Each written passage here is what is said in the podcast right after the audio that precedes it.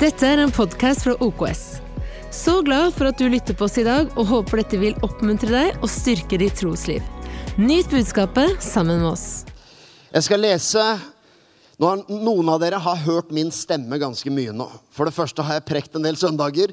Og så har noen vært på kickoff i helgen, hvor de også har hørt min stemme en del. Men dere skal snart få en pause, og jeg skal ut og reise litt. og sånn. Men, eh, men eh, håper dere bærer over med én til to søndager til nå i denne omgang. Eh, og jeg har noe på hjertet som jeg virkelig gleder meg til å formidle til deg. Jeg skal lese fra Titus brev, som vi også leste fra forrige gang fantastisk bok i Bibelen, Paulus sitt brev til menighetsplanteren Titus. Men jeg skal bare lese en kort tekst denne gangen, som var vevd inn litt i ting vi leste forrige gang. Men det er i kapittel 2 og vers 11 og 12.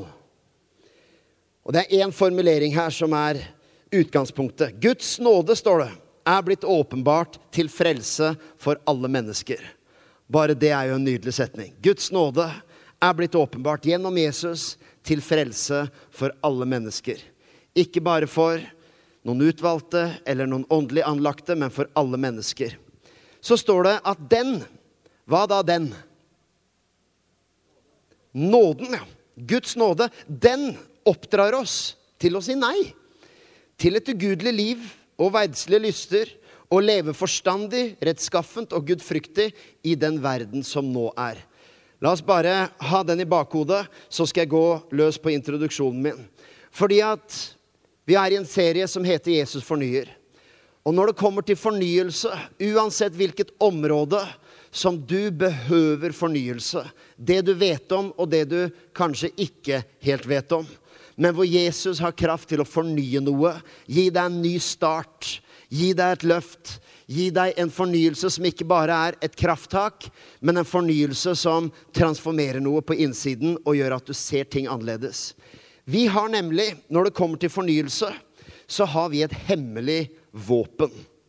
Vi har et skikkelig redskap. Et veldig effektivt våpen for fornyelse på nesten alle livets områder. F.eks. når det kommer til samliv og ekteskap, som vi jeg vet at vi har også masse single, og jeg prøver å inkludere liksom alle slags kategorier når jeg snakker. Men ekteskap og samliv er ofte en sånn eh, Det er en av arenaene hvor fornyelse, det å leve i Jesu fornyelse, er veldig sentralt. Og jeg vil påstå, glem mye av det du har lest av eksperter, artikler og selvhjelpsråd i VG. For Bibelen har gitt oss et annet redskap som er utrolig kraftfullt, men ekstremt upopulært. Det er veldig upopulært, det er belasta, og det er misforstått. Er du, gleder du deg til prekena?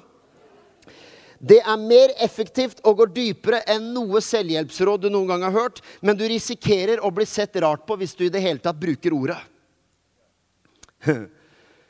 Det er et ord som samfunnet forakter, som kristne misforstår, og som enkelte ledere utnytter. Dette kan bli bra. Skal vi ta en trommevirvel? Hva tror dere jeg snakker om? Er det noen som vil gjette? Underordning.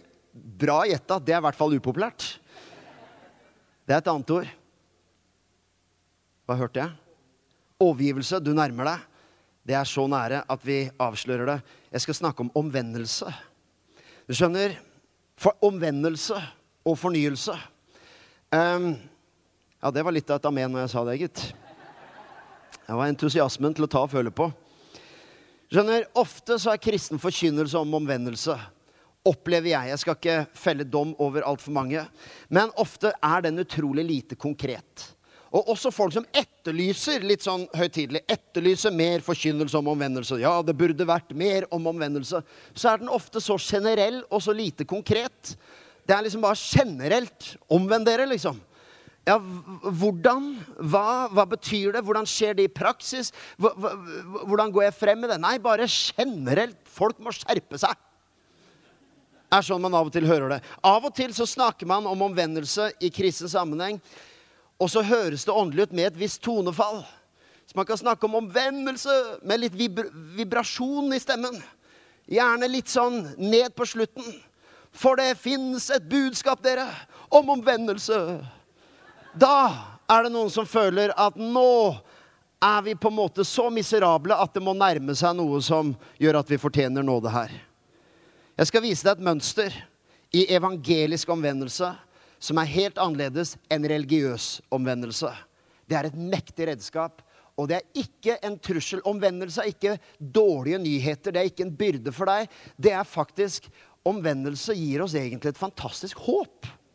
Uansett hvor mørk en situasjon er, så har Gud gitt oss et redskap. Når det er basert på evangeliet, så har han gitt oss et våpen og et redskap som gjør at vi kan komme ut på andre siden glade, frie, takknemlige og letta. Både for oss sjøl og de rundt oss.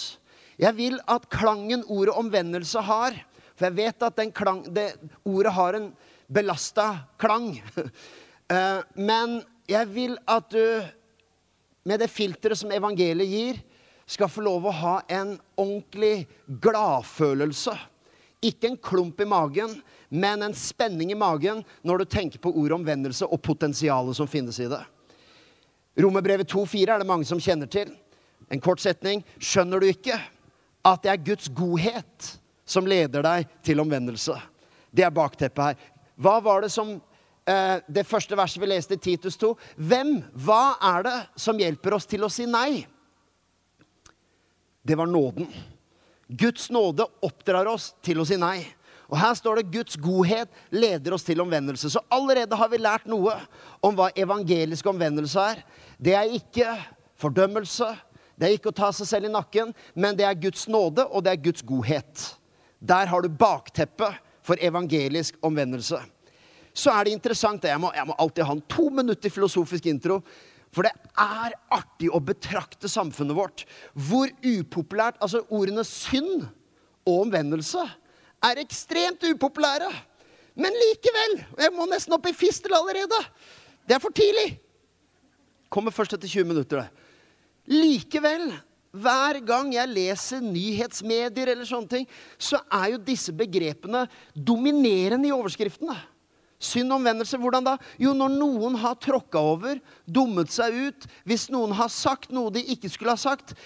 Altså, en sterkere fordømmelse av noens atferd enn det vi finner i dagens samfunn, tror jeg knapt har vært noen gang. Altså Den kulturelle fordømmelsen. Hvis du tråkka feil, hvis du dumma deg ut Og det kan være alvorlige ting, kan være mindre alvorlige ting, men det er veldig interessant. Hva skjer da? Jo, det kommer et kollektivt, massivt krav om beklagelse. Det er egentlig et rop om at vi forventer og vi krever omvendelse. Et, et, begrep som blir brukt helt utrolig ofte. Av idrettsutøvere, av næringslivstopper, av politikere. Vet du hva det er? Det er den setningen her. Vi legger oss flate. Jeg legger meg flat. Det er på en måte jokerkortet i vår kultur, hvis du har dummet deg ut, så har du én mulighet. Det er å legge seg flat. Det er hvis kunder har blitt dårlig behandla, og de er misfornøyd med servicen eller syns det er en skandale, det som har skjedd, og de ringer avisa, avisa skriver om det, avisa tar kontakt med bedriften og sier her har vi en kunde som er potte sur på dere. Hva har dere å si? Vi legger oss flate. Et, business, et annet businessuttrykk for omvendelse er den setningen her. Vi skal gjennomgå våre rutiner. Det er egentlig bare et annet ord for omvendelse. Men hvorfor vil folk legge seg flate?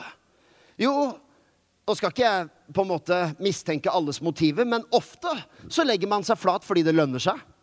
For varemerkets omdømme så er det én mulighet. Legg deg flat. Så kan du muligens ivareta omdømmet og produktet og varemerket. Eller man har blitt rådet til det. Du kan ha PR-rådgivere som sier du har én mulighet nå, det er å legge deg helt flat. Ikke bortforklar. Ikke kom med sånn 'jeg beklager hvis noen følte seg såret'. Så det er litt dems skyld òg som ble såra. Men hvis noen ble såra, så beklager jeg. PR-rådgivere vil si gi en uforbeholden beklagelse. Det er utrolig mye religiøst språk i dagens samfunn og i dagens kultur. Likevel forakter man begrepet synd og omvendelse, men det er likevel proppfull av religiøse begreper. Når man både, Enten fordi det lønner seg å legge seg flat, man har blitt råda til å legge seg flat, eller man blir avkrevd. Ofte i politikken så hører jeg stadig at noen sier dette her. Et parti sier om det noen andre har sagt, vi krever en unnskyldning. Det han sa på Stortingets talerstol, er uakseptabelt. Jeg krever en unnskyldning. Det er interessant fordi det eksponerer hvor opptatt vi egentlig er av omvendelse. Det er bare at den religiøse omvendelsen er som regel mest opptatt av andres. Egentlig er det en erkereligiøs variant, fordi den også er overfladisk. Hvor dypt stikker en omvendelse og en unnskyldning som blir avkrevd deg? Det er liksom utrolig overfladisk. Jeg krever at du skal si unnskyld. Ah, jeg tror ikke jeg sa noe gærent. Jeg krever at du skal si unnskyld. Ah, var det så ille? Nå krever jeg at du skal si unnskyld. Ok, unnskyld. Det har, skjønt, det har ikke skjedd en hjertetransformasjon. Det er på en måte, det lønner seg, det forventes, det er avkrevd. Jeg, man sier unnskyld pga. konsekvensene hvis jeg ikke gjør det det er egentlig det samme som religionens tanke bak omvendelse. Dessverre også i kristen drakt noen ganger. Tanken er at omvendelse er på en eller annen måte å gjøre Gud fornøyd. Sånn at Gud at jeg fortsatt kan ha hans gunst, og at han fortsatt vil svare min bønn. I verden så er det kanskje man bruker ikke personen Gud eller navnet Gud, men guden er kulturen vår. Mennesket, samfunnet. Man tenker at hvis jeg omvender meg, hvis jeg legger meg flat, så kan jeg fortsatt bevare folkets gunst eller andre menneskers gunst eller mine venners gunst. Og jeg sier ikke at det å be om unnskyld er feil. Det å be om unnskyld er klokt, absolutt, men bare, vi, vi er i en introduksjon her.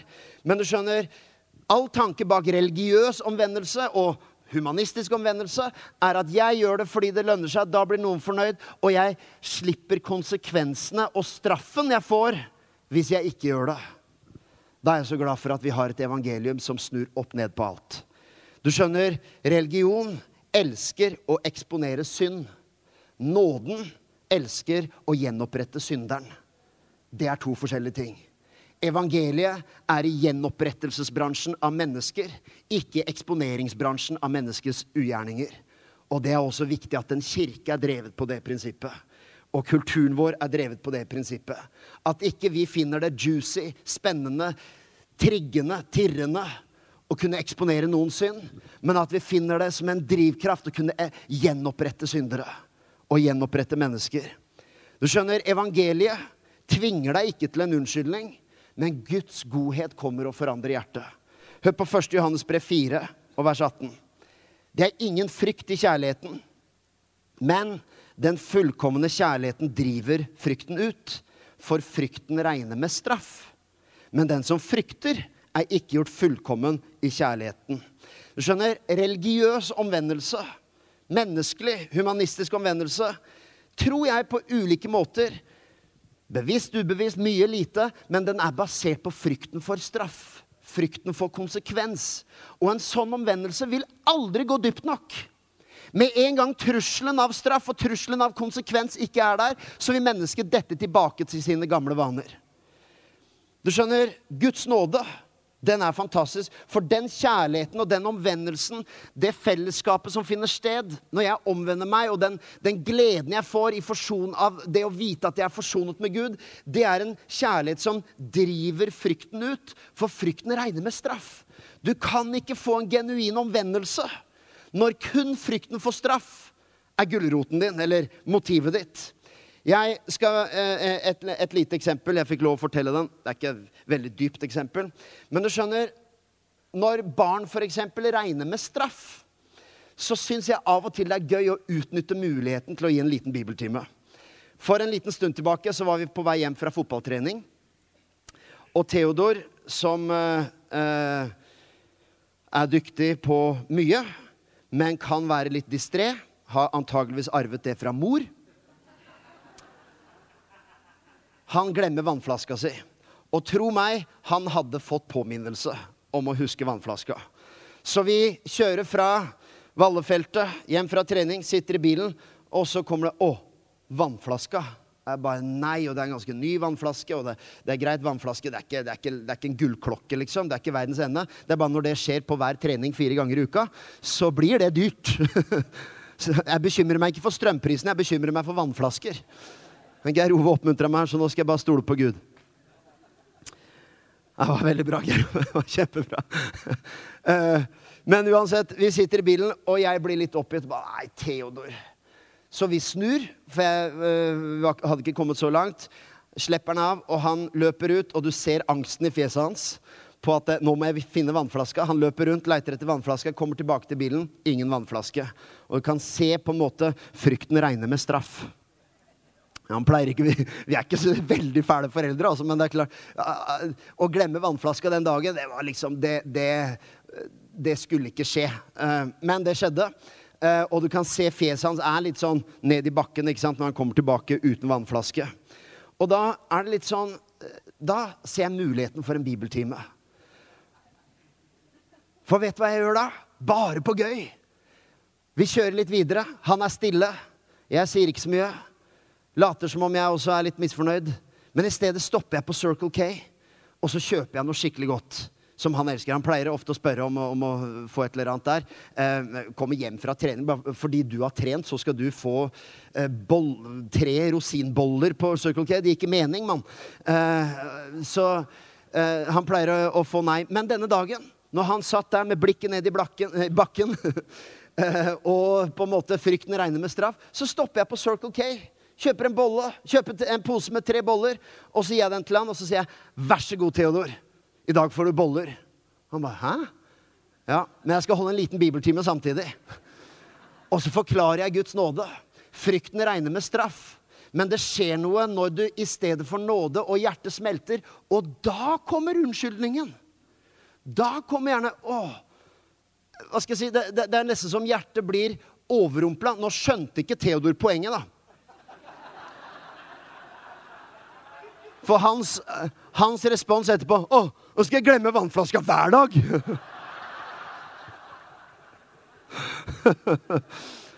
Men egentlig har han skjønt poenget. Fordi Paulus sier det samme. Ja, skal vi da bare fortsette å synde, spør Paulus, for at nåden skal bli større? Svaret hans er naturligvis nei, når Paulus sier det, men han har snakket om nåden på en sånn måte at det spørsmålet kommer frem. Ja, Skal vi da fortsette å synde? Så radikalt har han snakka om nåden. Så på en måte hadde Theo skjønt poenget. Ja, da skal jeg glemme vannflaska hver dag. Men samtidig skjønte han eh, at det var ikke det som var veien å gå videre. Så han glemte den siden. Nei, han har faktisk ikke det. Han har blitt mye bedre. Det er på grunn av nåden. Men innimellom så bruker jeg sånne anledninger. Jeg sier ikke at jeg gjør dette fryktelig ofte, men å, men å hviske noen ord om Guds nåde når man regner med straff, og i stedet fikk ekstra nåde, ekstra gunst. I Romerbrevet 5,20 står det der synden ble stor, ble nåden enda større. Og Jeg skal ikke i det hele tatt late som eller skape noen forestilling om at vi er fullkomne foreldre. Ikke i nærheten. Tvert imot så er det sånn Det er ett negativt eksempel, men også et positivt eksempel i det samme her. At som foreldre, når barna er kanskje gretne, mugne, sure og sinte, så er det veldig fort gjort, og dessverre gjør man det, at man tyr til en respons som er av typen 'Hva er det som er gærent med deg i dag?'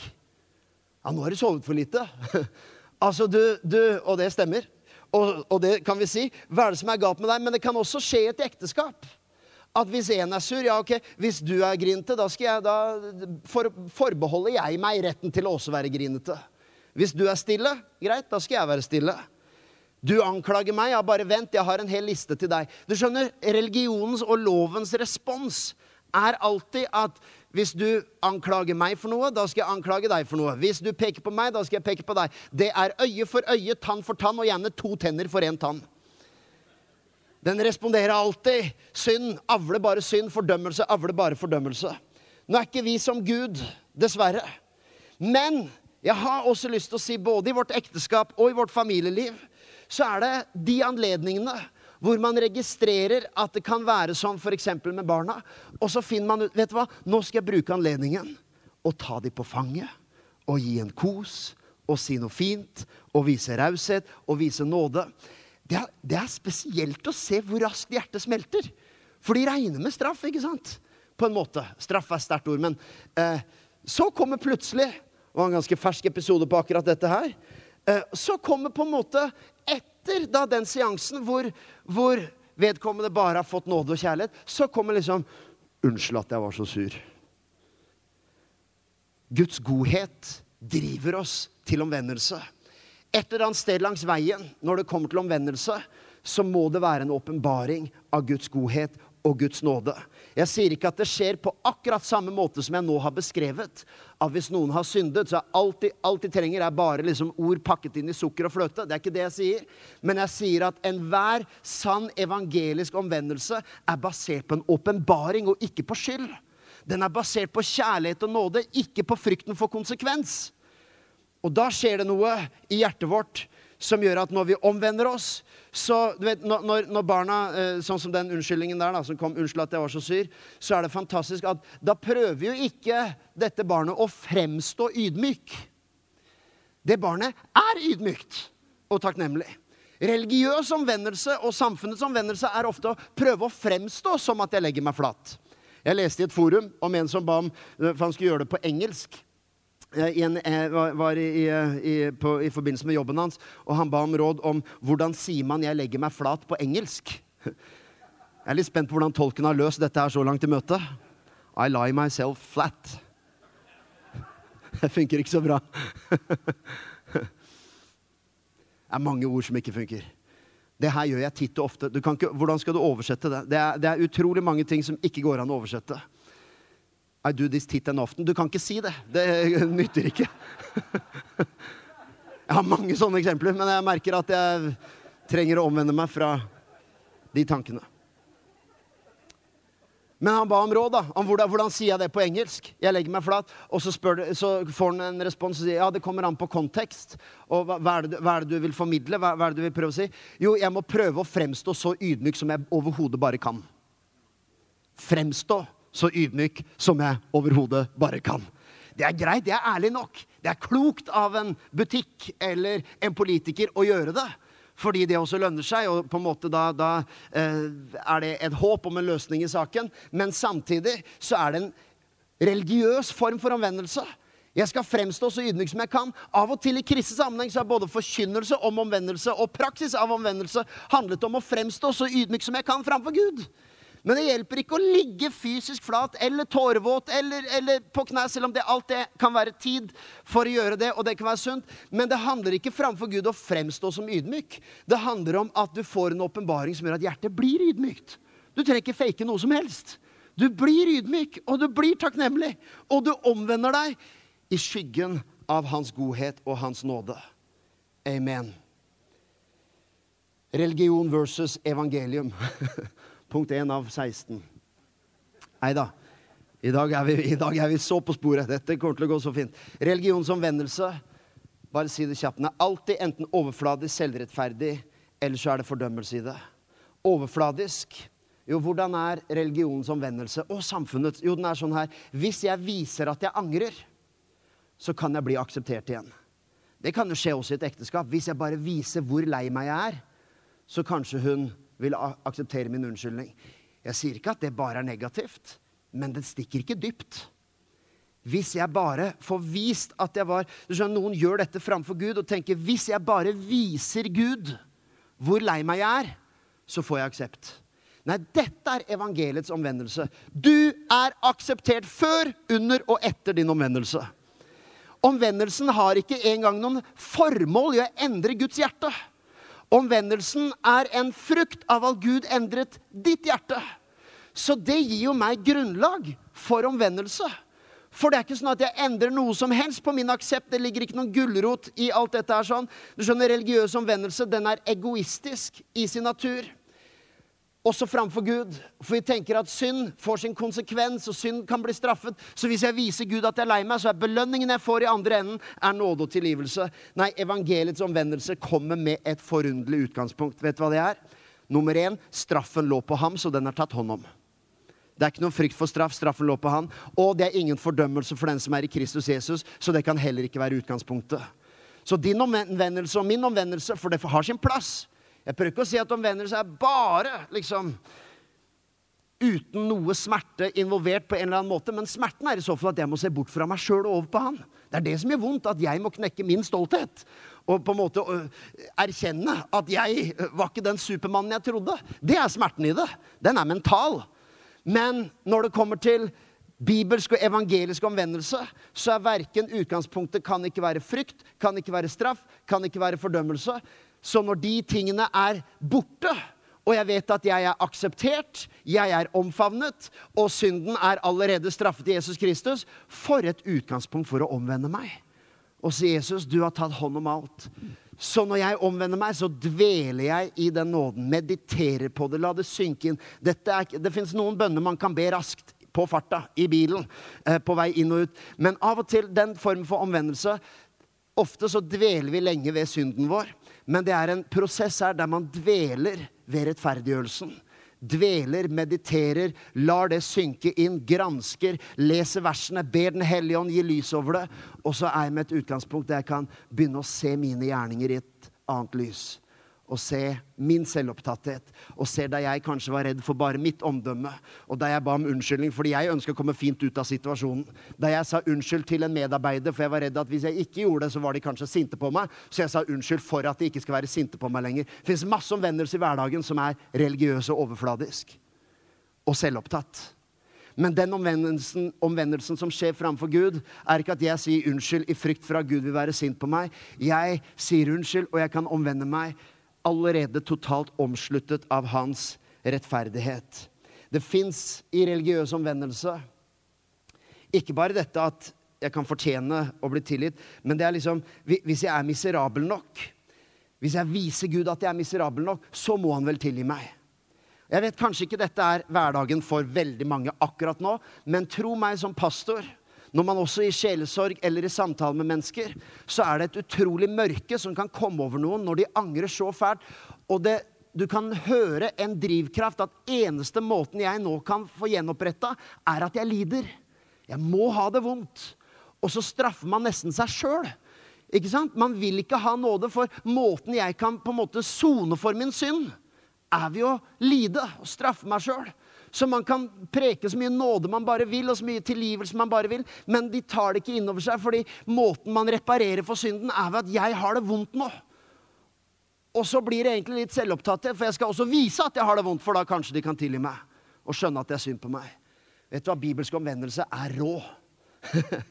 og den kan være ganske tøff, for den kanskje fratar deg privilegiet av å prøve å vinne sympati ved å vise hvor mye jeg lider mens den kan i stedet stå oppreist og kan ha tatt imot en fornyelse og tatt imot en rettferdiggjørelse som kanskje ved første øyekast kan fremstå som om du burde du ikke vært litt mer lidende. Men samtidig kan jeg si at det er mye, mye lettere å bringe legedom inn i menneskers liv når man ikke er i posisjonen at jeg må vise hvor mye jeg straffer meg sjøl, så alle kan forstå at jeg angrer. Nei, da er det en frihet å komme til poenget at jo visst, jeg angrer, men det fins en frihet i navnet Jesus. Det fins en rettferdiggjørelse, og det er eneste utgangspunkt for å, å forandre hjertet, og ikke bare endre midlertidig atferd på overflaten. Evangeliet er ikke at du må bli miserabel for å få tilgivelse. Evangeliet er Kristus ble miserabel på korset. Han led, han ble foraktet, og han var lammet som ble slaktet for vår skyld. Jesus tok vår fortjeneste. Han gjorde seg fortjent til vår tilgivelse. Kan du forstå det? Det er en åpenbaring. Å forstå at jeg får ikke tilgivelse hvis jeg bare viser hvor mye jeg angrer. Nei, jeg, fortjent, jeg fortjener tilgivelse fordi Jesus fortjente tilgivelse for meg. Det er et helt, helt annet utgangspunkt. Det er omvendelse i sin definisjon er ikke egentlig koblet til gjerninger. Omvendelse handler ikke om at jeg skal begynne med det og slutte med det. Omvendelse handler om hver gang å få blikket bort fra meg og mine gjerninger over til han og hans håp og hans gjenopprettelse og hva han kan. Det er smerten ved omvendelse. Det er å ta blikket bort fra meg og min agenda og mine behov og mine motiver. Og de må av og til eksponeres. De må, kan av og til granskes litt på, men i lys av den nåden og rettferdiggjørelsen som jeg har fått. Hvis noen sier vet, eh, Her er min påstand. I evangeliet er det ingen belønning i omvendelse i form av mer kjærlighet fra Gud. Eller mer nåde eller mer tilgivelse sånn, sånn hva skal jeg si, legalt sett. Og da vil noen si ja, hva er poenget med omvendelse da? Men det spørsmålet avslører jo motivet vårt. Hva vil vi oppnå med omvendelsen? Nei, bibelsk omvendelse er ikke å oppnå. Det er en frukt. At jeg omvender meg i lyset av det som Jesus Kristus har gjort i meg og for meg. Forstår du potensialet som er i fornyelse på hvilket som helst område i livet? Forstår du hvor annerledes det blir når du har dine nyttårsforsetter 1.1., og alt nyttårsfortsetter, alt fortsetter som før, kontra å stelle deg i lyset av nåden og rettferdiggjørelsen og bringe fornyelse inn på områder hvor til og med din unnskyldning har vært drevet av en fryktagenda eller en selvisk agenda. Og kunne få blikket over på Han og det som Han gjør i oss og gjennom oss. Av og til når jeg leser sånn eh, Jeg leser ikke, bare se overskriftene. Samlivsråd i VG. Slik blir du en bedre elsker. Det er lov å le. Jeg bare legger merke til Det er helt greit hvis du har lest de. Men det er nesten aldri så er det artikler om 'Slik blir du en mer sjenerøs og nådefull partner'. Det er alltid 'slik blir du en bedre elsker'. Det er alltid all selvhjelpsråd og i den typen tanke. Ja visst fins det en, en et ønske om at begge to skal få det bedre. Men det er som om det ligger alltid en drivkraft i at forsøket på forandring og forbedring har en personlig gulrot og gevinst hvor jeg skal komme bedre ut av det. Bibelsk omvendelse den er på grunn av det som allerede er oppnådd for meg. Så omvender jeg meg i takknemlighet og glede til Han. Vet du hva det gjør? Religionens form for omvendelse gjør at den skjer sjeldent. Religiøs omvendelse skjer sjeldent. Hvorfor det? Jo, fordi hvis jeg lener meg på at jeg er et godt menneske og gjør gode gjerninger, så er det å plutselig skulle erkjenne omvendelse, det er jo traumatisk. Det er jo tungt. Og plutselig, plutselig knekke min stolthet. Men jo, men jeg var jo god, jeg var jo moralsk, jeg var jo oppe, jeg var, hadde i hvert fall bedre enn dem. Jeg var i en samtale med en person en gang som sleit med en avhengighet. Og på et tidspunkt så deler han dette til meg, og så sier jeg, 'Vet du hva du trenger frihet fra? Ikke din avhengighet, men din stolthet', sier jeg. Jeg pleier ikke å være så eh, Tro meg, det var, det var sunn timing, og jeg var ikke ovenfra ned. Men jeg sa 'Du trenger frihet fra din stolthet'. Hæ? Stolthet? Hvordan da? Jo, fordi denne personen slo seg sjøl i huet med at 'jeg kan ikke tro at jeg gjorde dette her sånn'. Jeg kan ikke, jeg kan ikke fatte at, at liksom, jeg burde ikke være sånn. Jeg burde ikke være den personen. Jeg og så sier jeg, vet du hva, ditt problem er ikke avhengighet, det er stolthet. Hva er det som får deg til å tro at du Det, det er liksom sjokket over at jeg Det er greit at andre kan slite med den synden, men moi? Meg? Du skjønner, framfor evangeliet så er ikke sjokket at en som meg kan gjøre sånn. Åpenbaringen er at vi alle er brutt og ødelagt og syndere uten Hans nåde og uten Gud og uten rettferdiggjørelsen. Så med en gang jeg tenker at jo, mange andre kan slite med dette, men ikke meg, så er det egentlig en stolthet som ligger der, hvor jeg trenger å forstå vet du hva, Jeg har samme potensial som alle andre, men Guds nåde er utøst over meg. Hans rettferdighet er utøst over meg. Og jeg kunne få lov å si det til denne personen på en sånn måte. I stedet for å gå løs på gjerningene, må du prøve, prøve, å gjøre sånn, og gjøre litt mindre sånn, og slutt med det, og begynn med det. Så kan vi i stedet se på at bibelsk omvendelse går til hjertet, og ser hvor, hvor ligger roten til dette er sånn, som gjør at du stadig skammer deg for den gjerningen du gjør, og så skal du prøve å ta det sammen, og så skammer du deg. Hva er det i roten av ditt hjerte som kan bli helt, som kan bli lekt, som kan bli oppslukt av hans rettferdighet, og på det fundamentet leve et nytt liv i takknemlighet til hans nåde? La meg lese noen setninger for deg. Fordømmelse versus omvendelse. Fordømmelse er maktesløshet. Omvendelse er en ny retning. Fordømmelse er maktesløshet. Omvendelse er en ny retning. Maktesløshet er å si 'jeg klarer ikke', 'jeg orker ikke'. Uansett hva jeg gjør, så hjelper det ikke. Ingenting kommer til å funke. Skjønner? Alle de setningene har et fokus på meg. Jeg klarer ikke, jeg orker ikke. Det er omvendelse er å stoppe opp og si 'jeg klarer ikke, men Kristus i meg klarer'. Jeg makter alt i ham som gjør meg sterk. Vet du at Den setningen er en omvendelse. Hvor du sier ikke bare 'jeg makter alt', men 'jeg makter alt i ham som gjør meg sterk'. Kristus i meg kan klare dette. Kristus i meg orker dette. Omvendelse er blikket bort fra meg og over til Han som har en ny retning. Fordømmelse krever forandring av frukten. Omvendelse transformerer treet. Den går mye dypere enn bare hva jeg skal begynne med og hva jeg skal slutte med. Den har å gjøre med hva jeg lener meg på, hva jeg stoler på, og hvor jeg henter min verdi. Det er bibelsk omvendelse. Fordømmelsen ser innover, Omvendelsen ser oppover. Fordømmelse bygger på stolthet. Omvendelse bygger på ydmykhet.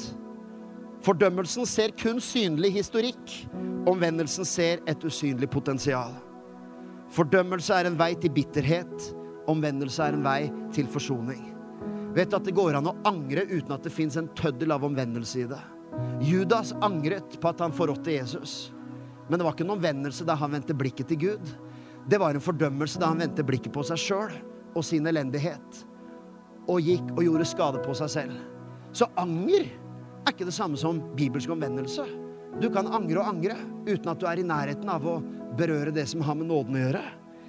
Nei, nåden, bibelsk omvendelse, er å få blikket bort fra seg sjøl, enten det er min, mine gjerninger og min moral, eller det er min synd og mine feil, og blikket over på Hans nåde og Hans potensial. Fordømmelse er å møte seg selv i døra. Omvendelse er et møte med Jesus. Det er hva omvendelse er for noe. Vet du at helt til slutt Det siste punktet heter omvendelse i kulissene av en regnbue. Du skjønner, i første Mosebok, etter at de har gått ut av arken Da har Gud straffet Altså, Gud har eliminert synd ved at hele menneskeheten på en måte fikk en ny start. Så bare Noah og hans husholdning var igjen. Men idet de går ut av båten, så har synd allerede funnet sted. Det er som om Noah vet det, Gud vet det, eh, familien vet det, for de har, de har foregått på båten. Og de vet at nå starter på en måte ny æra for mennesket, men synd er i ferd med å gjenopptas. Det kommer til å fortsette. Det ble ikke borte. Så gir Gud en respons. og Det er ett forunderlig vers som jeg vil du skal se. Bare helt til slutt, siste vers, første Mosebok 8,20. Da sa Herren i sitt hjerte For her, dette er etter at de har kommet ut av arken, så står det da sa Herren i sitt hjerte Jeg vil aldri mer forbanne jorden for menneskets skyld. Selv om menneskehjertet vil det onde fra ungdommen av. Aldri mer vil jeg drepe alt som lever, slik jeg nå har gjort. Hva er det det står her? Jo, Gud sier, 'Jeg ser at synden er kommet for å bli'. Her er min respons på det en regnbue. Som peker frem mot evangeliet, peker frem mot korset. For det er det som det står om regnbuen. Dette var siste bibelvers. Jesaja 54,9. Bare hør. Dette er som Noas vannflommer for meg. For som jeg sverget at Noas vannflommer ikke lenger skulle dekke jorden, slik har jeg nå sverget at jeg ikke skal være vred på deg og ikke true deg. For fjellene skal vike, og haugene skal rokkes, men min miskunn skal ikke vike fra deg, og min fredspakt skal ikke rokkes, sier Herren, Han som forbarmer seg over deg. Du skjønner det som er fantastisk med den buen? Og det var Charles Spurgeon som pekte på dette her i en poetisk tekst. Hvor han sa at det ordet bue egentlig står det ikke regnbue i teksten, det står en bue. Og en bue er egentlig et våpen. Det er som i pil og pil og bue. Så det hebraiske ordet for bue det står ikke engang regn, det kom en regnbue på himmelen. Det står det kom en bue på himmelen, og det er samme ord som det våpenet. kom et våpen på himmelen. Men det som er påfallende, er at når du spenner buen, så er jo den vendt den veien som jeg skyter. Og en bue vil alltid være som en halvmåne vendt mot den du skyter på. Mens buen som de så denne dagen, i stedet for at det kom straff over mennesket, så var buen vendt andre veien. Så første gangen de så en regnbue for hus, de hadde ikke sett dette på, tegnet på himmelen før, men de ser dette tegnet på himmelen, en bue, eh, som de umiddelbart vil tenke dette er jo, et, det jo våpenet. En bue. Det var det de skrev ned. Men den er rettet mot himmelen. For straffen lå på ham for at vi skulle ha fred. Derfor er det tegnet på himmelen et mektig signal om nåden og rettferdiggjørelsen. Og i skyggen av buen, straffen lå på ham, der kan jeg omvende meg og se, granske mine motiver, få fornyelse inn i et ekteskap hvis jeg er drevet av mine egne personlige ambisjoner. Få fornyelse inn i mitt arbeidsliv hvis det kun er karrieren og kun er økonomien og kun er omdømme og navn som driver meg. Så kunne jeg skyggen av en bue kan jeg omvende meg også når jeg bekymrer meg. Det var dette som skjedde 20. mai 2020, da pandemien brøt ut. Jeg skal ikke påstå at jeg var kjempefrynsete. Pandemien brøt ut i mars.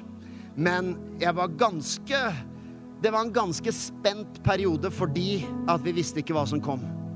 Når vi hadde én drive-in-gudstjeneste i Lillestrøm, hvor mange var der sånn? Ja, ganske mange. Jeg har ufattelig mange bilder derfra, men fordi tiden min er ute, så må jeg være veldig effektiv. Men det var en helt spesiell kveld. For vi sto der i mai. Pandemien hadde vart i to måneder. Mye vi ikke visste. Hvordan vil dette slå til økonomien? Hvordan vil dette slå til kirken? Hva er de langsiktige konsekvensene? Bla, bla, bla. Mye usikkerhet, samtidig som vi var fulle av tro. Absolutt framoverlent. Men jeg husker denne kvelden var så spesiell fordi at Vi hadde én sånn driving-gudstjeneste utendørs på, på scenen der ved varemessa. Og, og, jeg husker det var ganske regntungt, ganske grått. Og jeg var litt skuffa, for et, vi skulle ha det på kvelden, for det skulle liksom være ekstra flotte kulisser. Og så, og så, ser jeg her at det er ganske grått. Det, er, det, er, det, det, var så kaldt å preke. Jeg har aldri fryst så mye under en preken noensinne. Jeg går ut der, eller før prekena, under lovsangen. Jeg, jeg løfta ikke hendene. Noen trodde jeg var veldig salig. Det var bare at jeg var iskald, så jeg måtte holde meg i bevegelse. Noen så nye manifestasjoner jeg ikke har sett før i mitt liv. Men, eh, men det var bare for å holde varmen. Men så var det, idet jeg hadde begynt å preke, jeg hadde holdt på i to-tre minutter, så er det som om det bryter ut et lys ganske på ett minutt. På ene siden så ser For jeg står da på denne her midtgangen, så ser jeg på venstre siden et enormt lys. Og ser liksom bare himmelen. Å, wow, det var spektakulært. Jeg kommenterer det så vidt i prekena mi. At nå er det litt av et lys der sånn. Og så er det en som roper, et barn som roper fra et vindu i bilen. Se på andre siden, der er regnbue. Og da står jeg der og ser liksom bare det lyset der og den regnbuen der. Og hvis du ikke tror meg For hør her, jeg er ikke sånn super, super, super over, over, over åndelig av meg. Jeg er ikke sånn som hvis jeg har grønt lys i tre lyskryss, så var det Gud. Og hvis vaskemaskinen går i stykker, så var det djevelen. Jeg må, jeg må, ha litt mer dokumentasjon. Det må være noe ordentlig. Men denne kvelden, jeg er ikke et sekund i tvil. Ingen kan få meg til å tro noe annet enn at vi så et tegn på himmelen. Der Gud stadfestet og manifesterte sin trofasthet. Fordi det jeg drev og prekte om, var at Gud er begynnelsen og enden.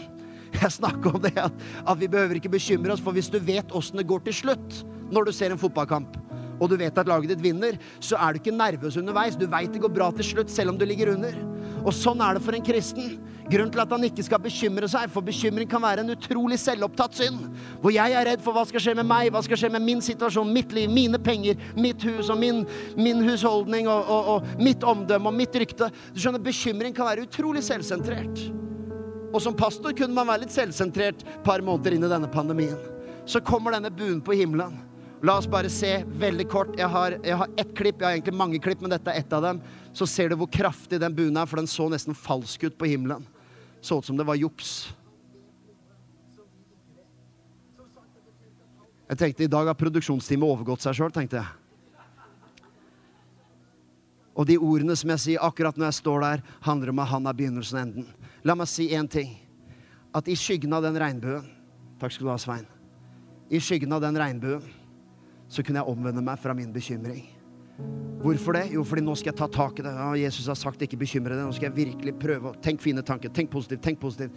Nei, Gud manifesterte sin godhet, sin nåde. Jeg så det og skjønte vet du hva? Kirken er i hans hender. Han eier kirken. Den har overlevd alt mulig i 2000 år. Selvsagt overlever vi dette. Vi er i et triumftog. Vi er på den seirende siden. Det er navnet over alle andre navn. Hvis Gud er for oss, hvem kan være imot oss? Vi har ingenting å frykte. I kjølvannet av den buen så kunne jeg omvende meg og si, Gud, jeg omvender meg fra min bekymring og velger å stole på deg. Litt som Geir Ove var inne på også. Jesu La oss gi Jesus en takkeapplaus, for han er god. Takk, Herre. Takk for at du tok deg tid til å lytte på en av våre podcaster fra OKS.